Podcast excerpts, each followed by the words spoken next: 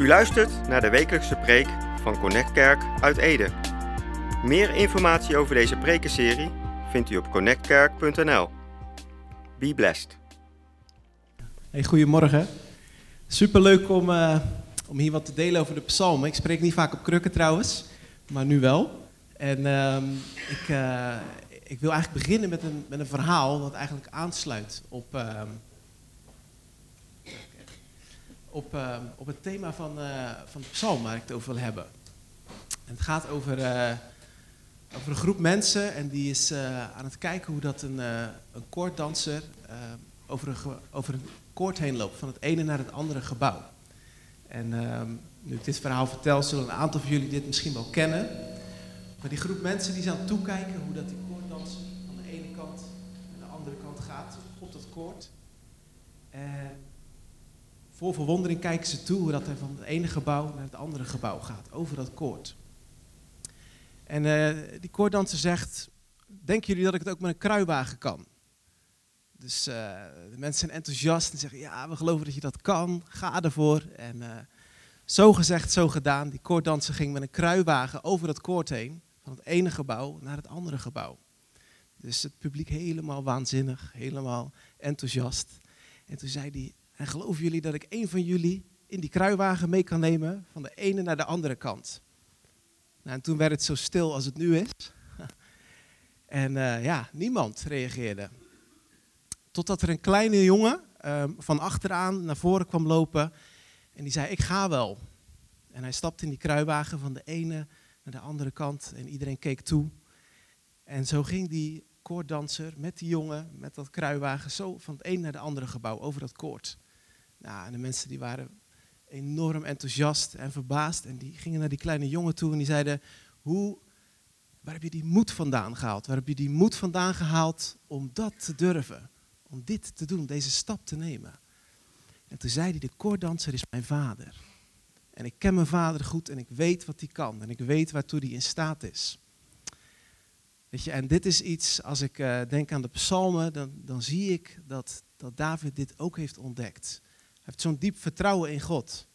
En, en dat zie ik, dat, dat, dat ademen de psalmen als het ware uit.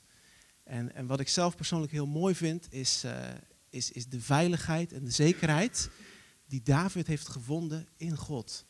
En ehm, David noemt God bijvoorbeeld zijn schuilplaats, zijn rots, zijn burcht, een sterke toren.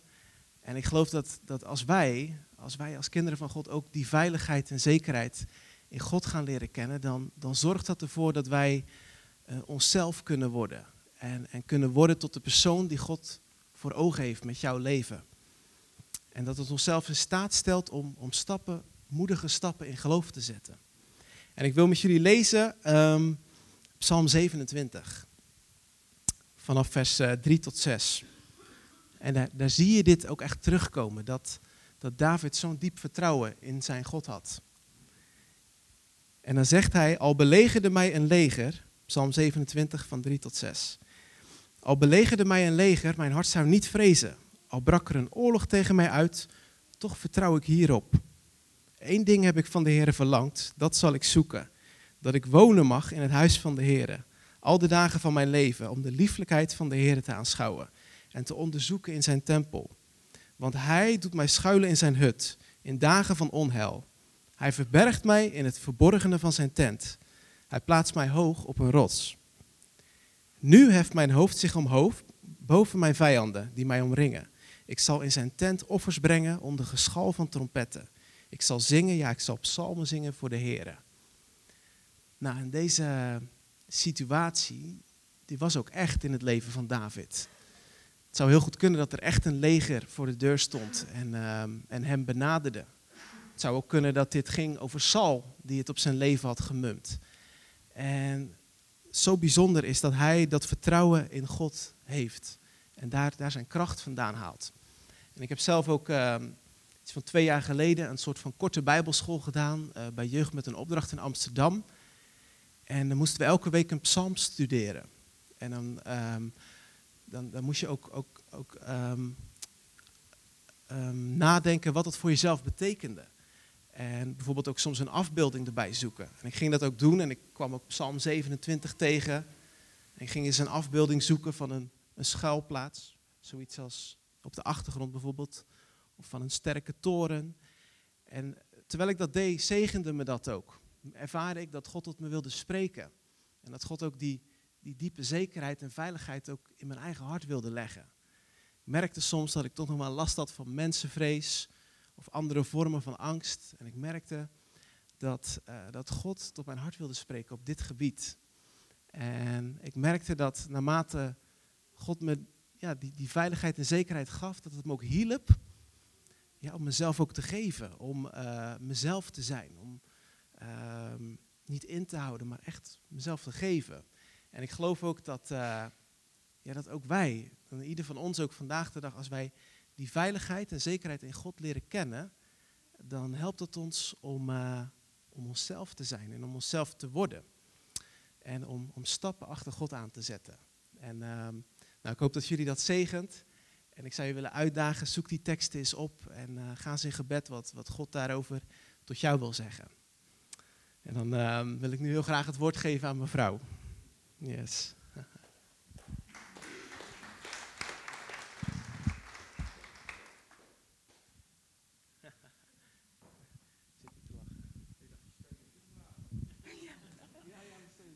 Ja, leuk. Ja.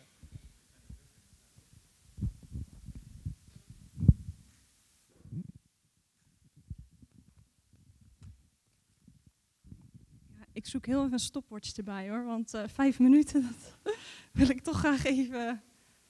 Zo.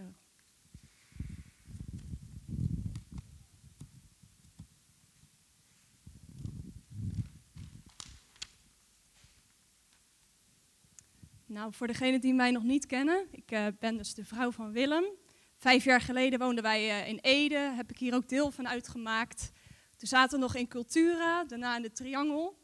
En uh, daarna zijn wij verhuisd, maar nu weer even terug. Dus dat, dat bevalt heel goed, vinden wij erg leuk. En ik wil vandaag een klein stukje delen over Psalm 23. Nou hebben jullie het een paar weken geleden ook gehoord van Korstiaan, maar goed, ik ga hem toch nog heel even voorlezen. De Heer is mijn herder. Het ontbreekt mij aan niets. Hij laat mij rusten in groene weiden en voert mij naar vredig water. Hij geeft mij nieuwe kracht en leidt mij langs veilige paden tot eer van zijn naam.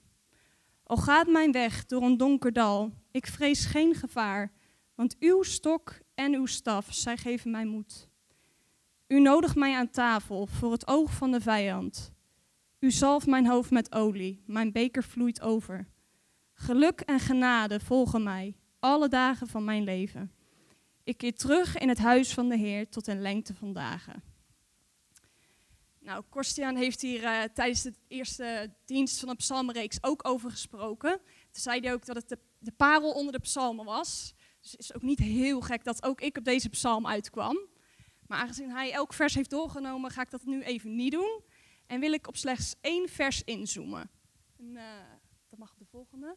Ja, er staat, u zalft mijn hoofd met olie, mijn beker vloeit over. Nou uh, heb ik, denk zo'n tien jaar geleden, een, uh, een, heel klein boekje gekregen. Dat gaat over de herder en over Psalm 23. En dat is eigenlijk een boekje dat um, iemand is in gesprek gegaan met een herder die in het gebied heeft gewoond, waar ook David herder was. En die man heeft dus gevraagd van, joh, uh, hoe kijk jij nou tegen Psalm 23 aan? En die herder is gaan vertellen en die man heeft het opgeschreven en ik heb het gelezen. En uh, al tien jaar lang, elk jaar lees ik het wel een keer als ik het boekje weer vind, raakte mijn hart. En uh, het vers wat mij vooral heel erg raakt, is, is, deze is dit vers. U zalft mijn hoofd met olie, mijn beker vloeit over. En wat ik dan ook las in het boekje is dat dit vers eigenlijk ehm, voorstelling geeft van het einde van de dag. Dus heel de psalm uh, gaat eigenlijk over wat er tussen de herder en de schapen voorvalt, alle noden die de schapen hebben en alle moeite die de herder doet om daarin te voorzien. En dan aan het eind van de dag komen die schapen bij elkaar in die schaapskooi en gaat de herder daarvoor staan. Hij is natuurlijk de deur ook, zo wordt ook van Jezus gesproken. Maar de herder staat dan voor die schaapskooi en de schapen gaan dan één voor één, komen ze die schaapskooi binnen. De herder heeft een staf en daarmee onderzoekt hij de schapen. En in zijn ene hand heeft hij dan een, uh, een horen met olijfolie. En in zijn andere hand heeft hij wat teer van cederbomen bij zich. En dan komt er een schaap langs en, en die heeft bijvoorbeeld een bezeerde knie. Want die is tegen een, tegen een, een, een steen aangebotst of zo. Nou ja, die, die wordt dan verzorgd met dat teer. Maar er zijn ook schapen die misschien gewond zijn geraakt door uh, distels of andere dingen. Nou, de herder onderzoekt dat allemaal en die verzorgt die schapen. Maar goed, nou zijn er natuurlijk ook schapen die gewoon niet, niet uh, gewond zijn, maar die gewoon eenvoudigweg moe en uitgeput zijn. En voor die schapen, daar doet de herder iets anders mee. Die zalft hij met die verfrissende olijfolie. En dan pakt hij een vat wat naast hem staat met twee handvaten. En die dompelt hij helemaal onder in een groot vat met water. En dan laat hij dat vermoeide schaap drinken.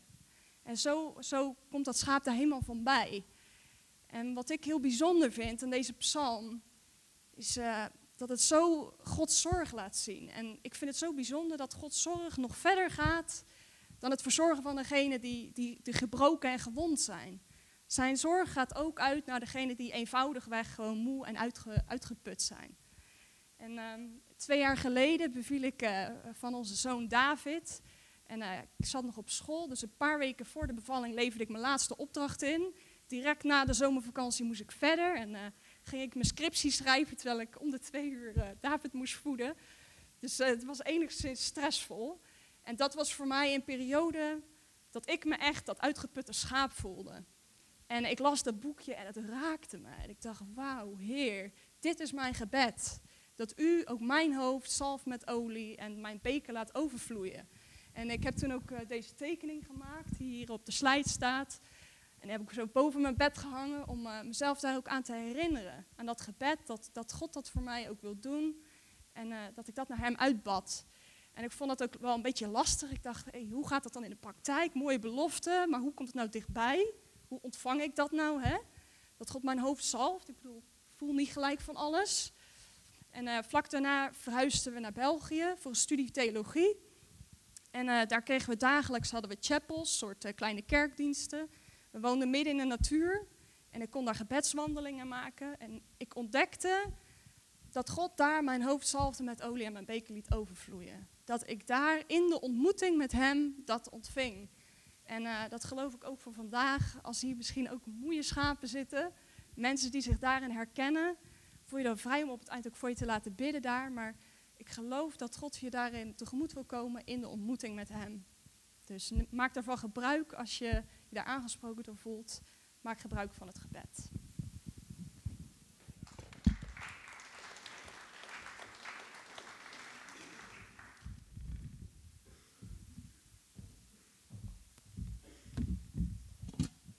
Ja, over schapen gesproken. Ook ik wil graag iets delen over Psalm 23. Uh, mijn naam is Tom Baksteen. Ben getrouwd met Christa.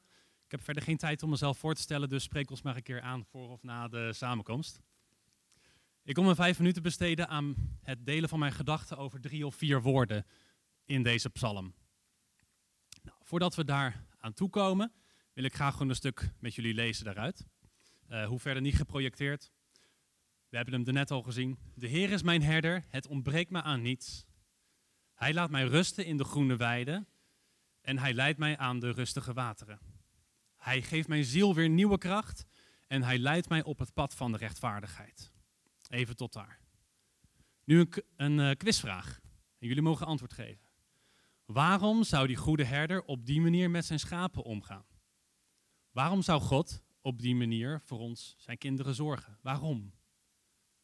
Roep maar.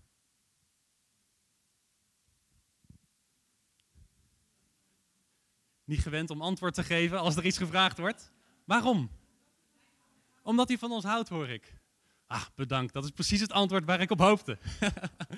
dat is het evangelische antwoord. Grotendeels waar. Hele creatieve. We gaan kijken naar het antwoord van David. Want hij heeft daar een heel ander antwoord op. Ik denk dat het waar is, maar er zit nog een laag in, een heel diep principe, wat God hier door David heen aan ons wil uitleggen. Als we doorlezen, dan zien we dat er staat, Ehm, hij leidt ons op het pad van de rechtvaardigheid, daar waren we gebleven, omwille van zijn naam. Letterlijk staat daar, omdat zijn naam. Niet omdat ik, niet omdat zijn schaapjes zo lief zijn, nee, omdat zijn naam. Het gaat om hem en het gaat niet om ons. En dat is een principe wat niet alleen hier in deze psalm naar voren komt. Je ziet het door de hele Bijbel heen. Echt keer op keer. Wat God doet in de geschiedenis van, van, uh, van zijn, zijn schepping, het gaat om zijn naam in de eerste plaats.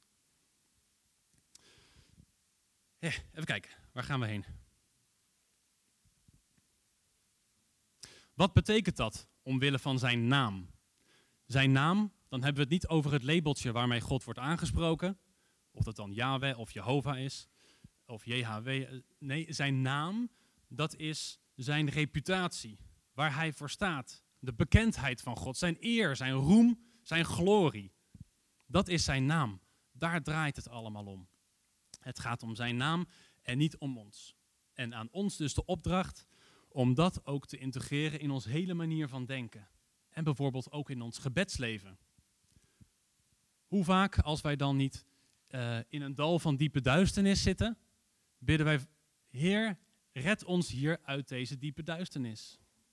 Dat is, dat is een prima gebed. Maar hoe krachtig kan het ook zijn als je juist in die tijden ook gefocust bent op Zijn naam?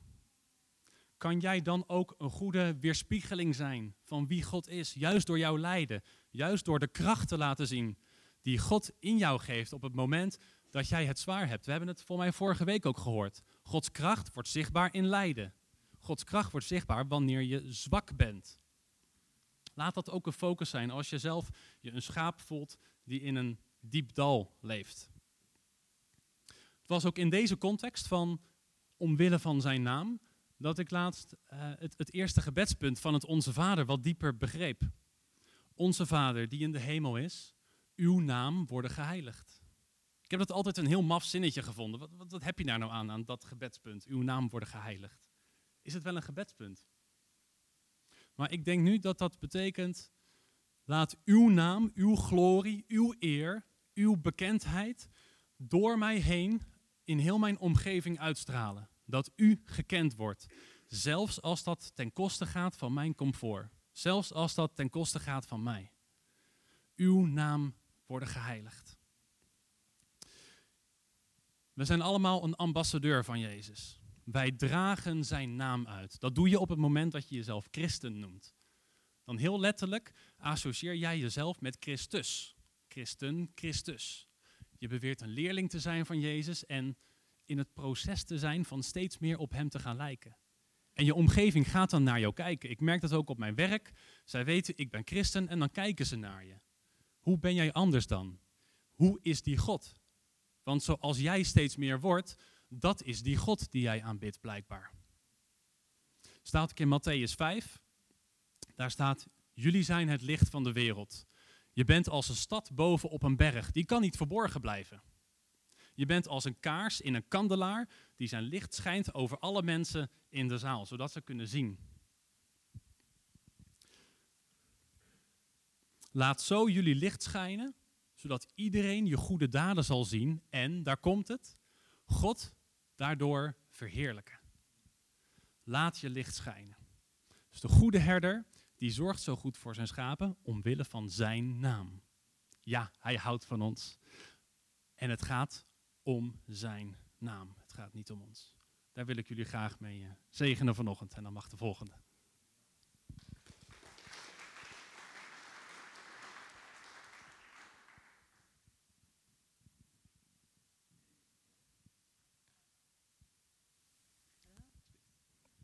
Is een beetje water. Gaat niet van mijn vijf minuten af trouwens. Ja, mooi niet.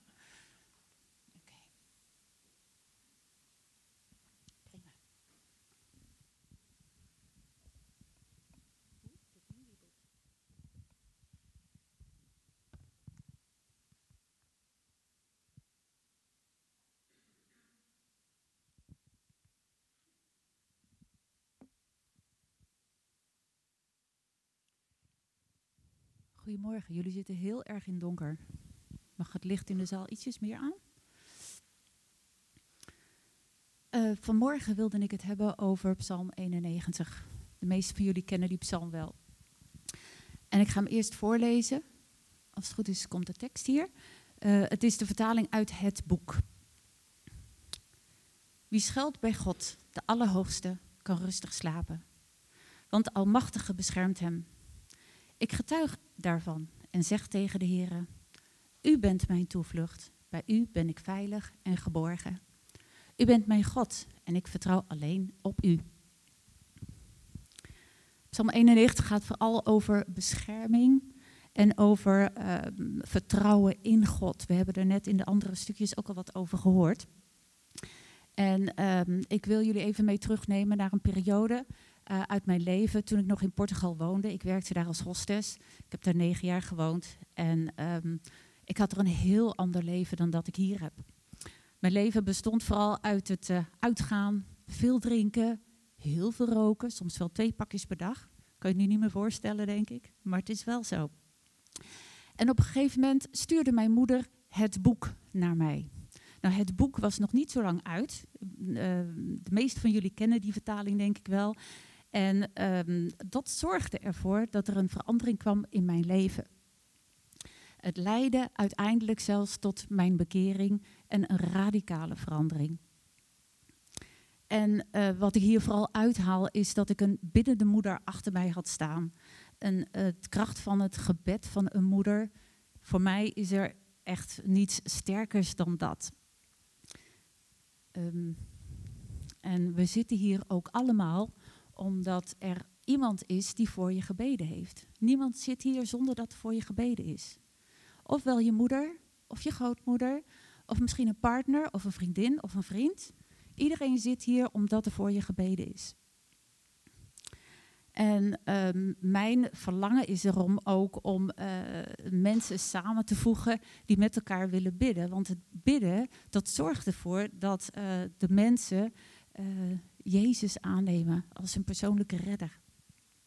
En dat ze een passie krijgen voor Jezus. En die, ook dat ze de juiste vrienden zullen ontmoeten.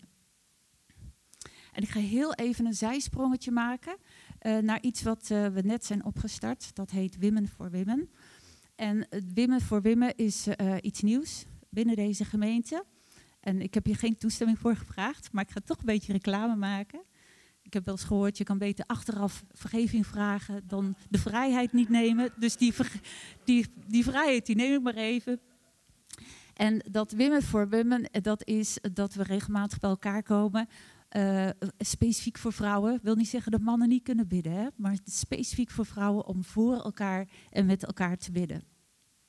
En wil je er meer over weten, dan uh, stel ik voor dat je na de dienst even naar mij komt of naar Barbara. Um, dus dat was even een heel klein zijsprongetje. Een tweede zijsprongetje wil ik even wijzen op dat kistje wat hier op het podium staat. Dat staat er al maanden. En dat is niet voor niks, want daar kan je je gebedsverzoeken, eventueel die je hebt, uh, invullen en inleveren. En natuurlijk na de dienst ook even naar voren komen als je dat wilt. Maar ik ga terug naar mijn verhaal. Ik, uh, ik bekeerde uh, van het wilde leven in de maatschappij uh, naar in één keer was ik christen. En er gebeurde van alles met me. Um, het betekende dat ik me liet dopen. Ik kwam in een kerkje wat heel klein was. Ik was de oudste en ik was nog geen 35. Uh, dus dat, uh, dat was natuurlijk heel erg mooi. Um, verder ging ik ook in het geheim naar de kerk. Want mijn partner, ik woonde daar samen met een Portugese man.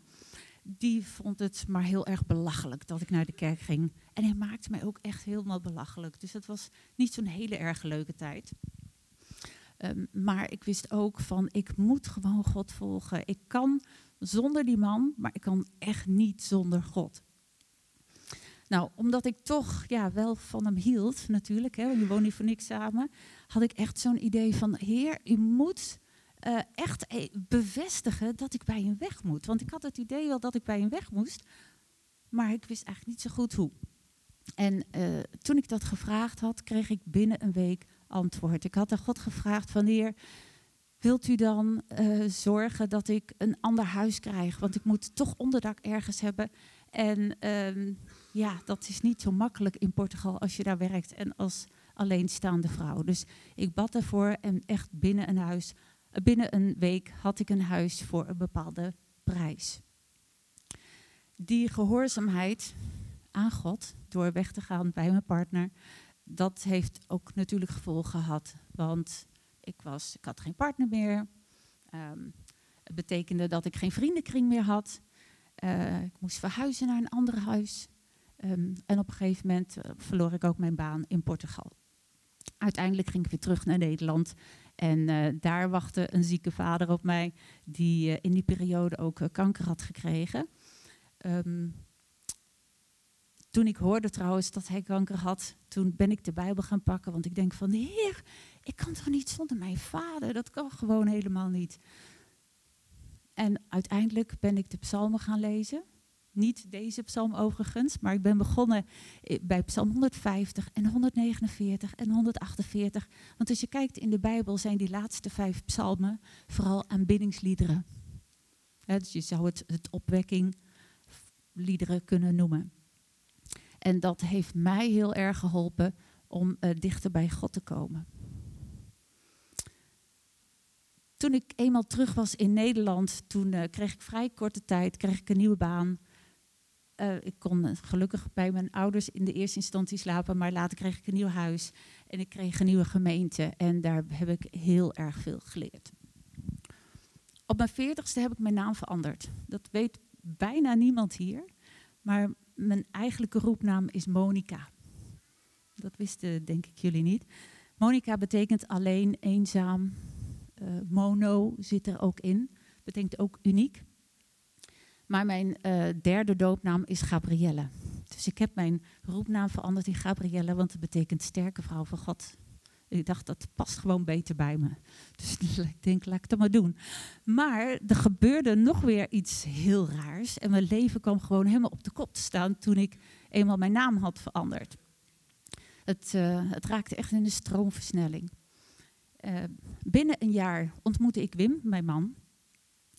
En uh, het is misschien wel leuk om heel in het kort even te vertellen hoe dat ging.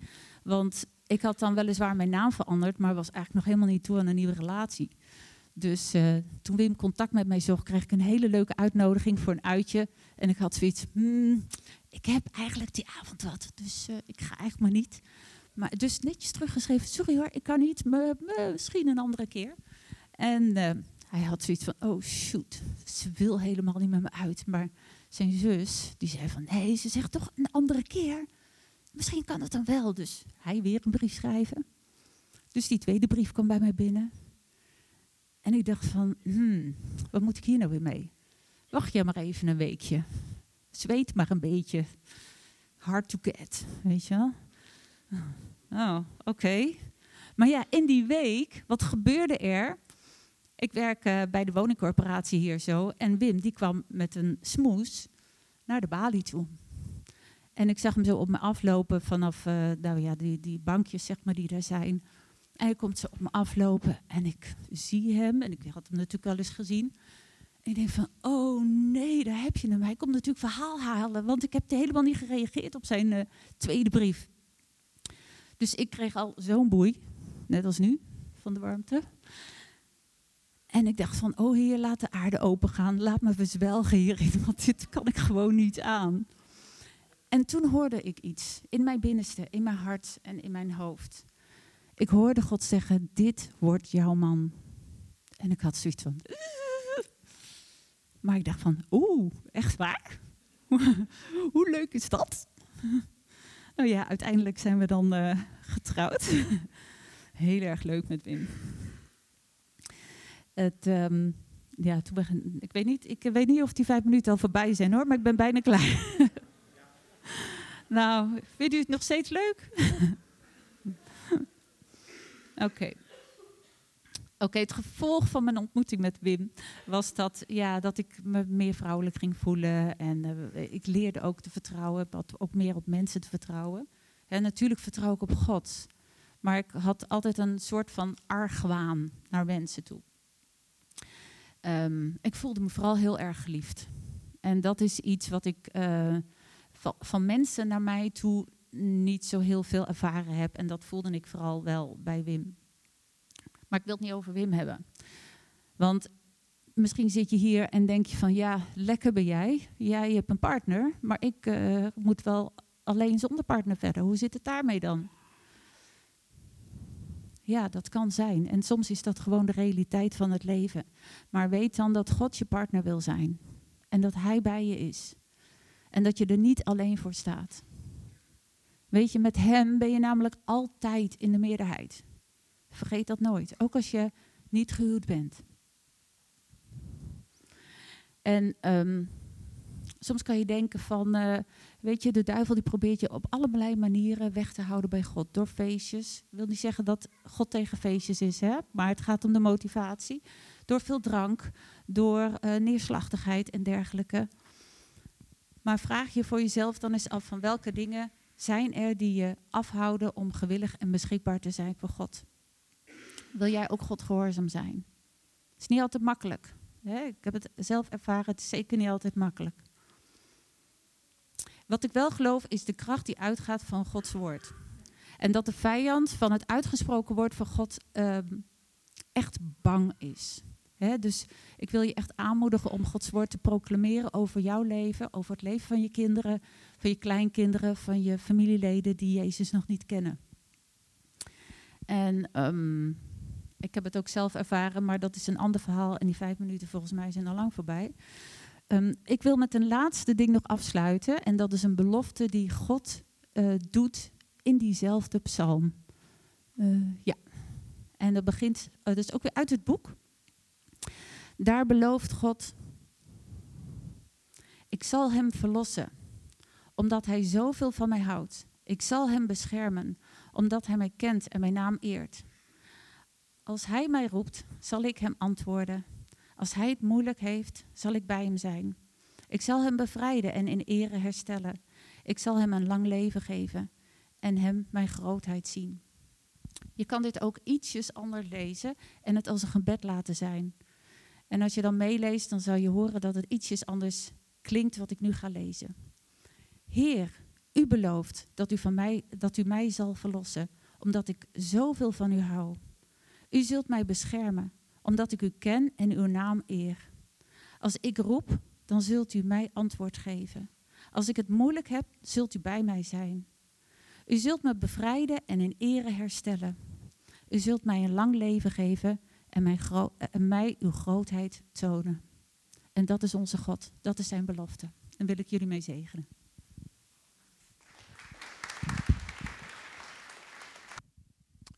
Goedemorgen allemaal. Uh, ik ben uh, Wilbert Goei. Ik ben getrouwd. Mijn vrouw kan hier uh, alleen niet zijn vanwege ziekte. Maar ik ben hier wel met mijn twee prachtige dochters waar ik zeer trots op ben. Ik mag daar verder niet te veel over vertellen, want dan krijg ik problemen thuis. Dat, ze hebben me al gewaarschuwd. Maar dat scheelt ook weer, want ik wil alle tijd gebruiken om te vertellen over Psalm 1. Een prachtige psalm. Een psalm die eigenlijk als inleiding op het boek is. Op het hele boek. En in die inleiding, dan begint het, als je naar de Nederlandse vertaling van kijkt, met het woord welzalig. Nou, nu zullen misschien de meeste tieners denken, wat betekent dat, welzalig? Nou, dat betekent zoiets als supergelukkig. Je zou kunnen zeggen, je wordt supergelukkig als je de psalmen leest. Dus als jij supergelukkig wil worden, moet je de psalmen lezen. En dan denkt misschien wel hier iemand, ja, maar dat staat vast niet in de grondtekst. Supergelukkig. Dat, dat geloof ik niet. En je hebt gelijk. In de grondtekst staat iets anders. Dus in het Hebreeuws, staat een ander woord. En dat woord is ashre. En wat betekent dat nou? Ashre betekent zegeningen in meervoud. Dus niet één zegen, maar zegeningen in meervoud. En dat vind ik zo mooi. Hè? Dat is waar deze psalm over gaat. En eigenlijk het hele, de hele psalmenboek, al de psalmen gaan daarover. Zegeningen. God wil zegen geven. En niet één zegen, hij wil overvloed aan zegen geven voor jou en voor mij. En dat is eigenlijk ook hoe ik God ken. Aardig thuis in de Bijbel en telkens zie je in de Bijbel dit terugkomen. Die God van zegen. Het begint al in Genesis met Adam en Eve, waar God een hele prachtige tuin geeft. Zelfs vertelt helemaal aan het begin waar het goud is. Waar zouden ze dat nou voor nodig hebben, Adam en Eva? Maar hij vertelt het. En dan ga je verder met Abraham, de man van zegen. En dan kom je uit in Deuteronomium, waar God vertelt, als ze het volk hem zal gehoorzamen, dat, dat ze gezond zullen zijn, dat ze rijk zullen zijn, dat God alles zal zegenen. En zo zie je door het, dwars door het Oude Testament de God van zegen. En dan ga je naar het Nieuwe Testament en dan gaat het door. Jezus die zegt dat hij ons een leven en overvloed wil geven. En dan ga je naar Paulus en dan ontdek je in Efeze 1 dat hij daar nog een schepje bovenop doet. En dan draait het niet meer om rijkdom of gezondheid. Nee, dan heeft hij het over de hemelse zegeningen die we hebben in Christus Jezus. En dan gaat het om heiligheid, aanvaard zijn, het evangelie, verlossing, de Heilige Geest. Ga het maar eens eens bestuderen. En je ontdekt dat de zeven hemelse zegeningen klaar liggen voor jou en voor mij. En dan terug naar die psalm. Want wat is nou de, de zegen die voortkomt in Psalm 1, die naar voren komt daar? Wat is nou die zegen? Wat, wat, wat probeert de psalmist duidelijk te maken? En als de psalmist dat probeert duidelijk te maken, dan mag hij even naar de volgende dia. Dan gebruikt hij twee beelden. Dan zegt hij eigenlijk van hey, je leven kan, kan er op twee manieren uitzien. De ene is als een boom geplant aan waterstromen die zijn vrucht geeft op zijn tijd. Dus het is eigenlijk iets wat heel aantrekkelijk is voor mensen. Jouw leven kan zijn als, uh, als een, waarbij je een persoon bent die aantrekkelijk is voor anderen. Die vrucht geeft, die, die, ja, die mooie dingen voortbrengt. Je zou zeggen, omwille van zijn naam. Die lijkt op Jezus, omwille van zijn naam. En het andere beeld is wat minder mooi. Dat is kaf. En kaf, voor wie dat niet weet, dat is dat plaatje daarachter. Het dwarrelt rond. Het heeft geen richting. Het heeft geen doel. Het is vuilnis. En dwars door deze psalm heen klinkt een hele confronterende vraag. Hoe mag jouw leven zijn? Hoe mag jouw leven zijn? Wil jij dat jouw leven eruit ziet als, als vrucht dragen, als iemand die aantrekkelijk is voor anderen, die tot zegen kan zijn? Of is het aan het eind van je leven dat er geconcludeerd moet worden, ja, hij heeft misschien wel veel gedaan, maar dat weinig nut. Het was vuilnis. Hoe wil jij dat jouw leven eruit ziet? En als je, als je kiest, hè, als je kiest voor dat vruchtdragen. Als jij wil zijn als die boom die vrucht geeft op zijn tijd. Dan wijst, dan wijst David de weg. En dan zegt hij, die pad daar naartoe, dat, dat, dat is eigenlijk te vinden in de Bijbel. Ga de wet bestuderen. Ga de wet niet bestuderen om te kijken hoe kan je voldoen aan, aan al Gods normen, want dan raak je gefrustreerd. Maar ga de wet bestuderen met deze vraag. Hoe kan ik tot zegen zijn? En je zult die zegen vinden. En dan is het mooie hè, dat in het Nieuwe Testament ja, de Bijbel eigenlijk leert dat de Heilige Geest onze nieuwe wet is. En de Heilige Geest wil in ons leven precies dat doen. Die wil ons maken tot zegen. Die wil ons mooi maken. En als ik dan naar mijn leven kijk, ja, dan kan ik aan de ene kant kan ik een heel verhaal vertellen wat mij allemaal is overkomen. Over allerlei problemen en over ziekte. Ik heb een spierziekte, daarom zit ik ook in een aparte stoel. En dan zou je zeggen, ja, ben je dan gezegend? Ja, ik ben gezegend. Ik ben gezegend omdat dwars door al die problemen heen God iets bijzonders heeft gedaan. Hij maakt mij mooi en hij wil ook jullie mooi maken. Hij wil ons allemaal mooi maken tot aantrekkelijke personen die vrucht dragen en vrucht geven op zijn tijd. Eigenlijk precies zoals het thema zegt. Zullen we bidden? Liefdevolle Vader, u houdt zoveel van ons. U heeft het beste met ons voor. U wil ons zegenen. U wil ons overladen met zegen. En het meest mooie van dat alles is, u wil ons maken tot mooie mensen. Mensen die tot zegen zijn, die omwille van zijn naam zegen voortbrengen. En hier hebben we een hele groep met mooie mensen die daarvoor willen gaan. En ik hoop dat ze allemaal stuk voor stuk gewoon in, in zijn, ja, de Bijbel openslaan, telkens weer opnieuw. Op zoek gaan naar hoe ze daarna kunnen groeien. De Heilige Geest toelaten in je leven, zodat Hij je kan veranderen. En ik bid je dat toe, dat dat mag gebeuren. En als je dat moeilijk vindt, vraag Hem dan gewoon. Help me met Bijbel lezen. Help me met, met bidden. Want Hij wil al te graag jou helpen. Hij wil er voor jou zijn. Want het is Zijn plan om jou te vormen en te maken tot zegen. En dat doet hij, zoals al heel mooi gezegd is, omwille van zijn naam. Amen.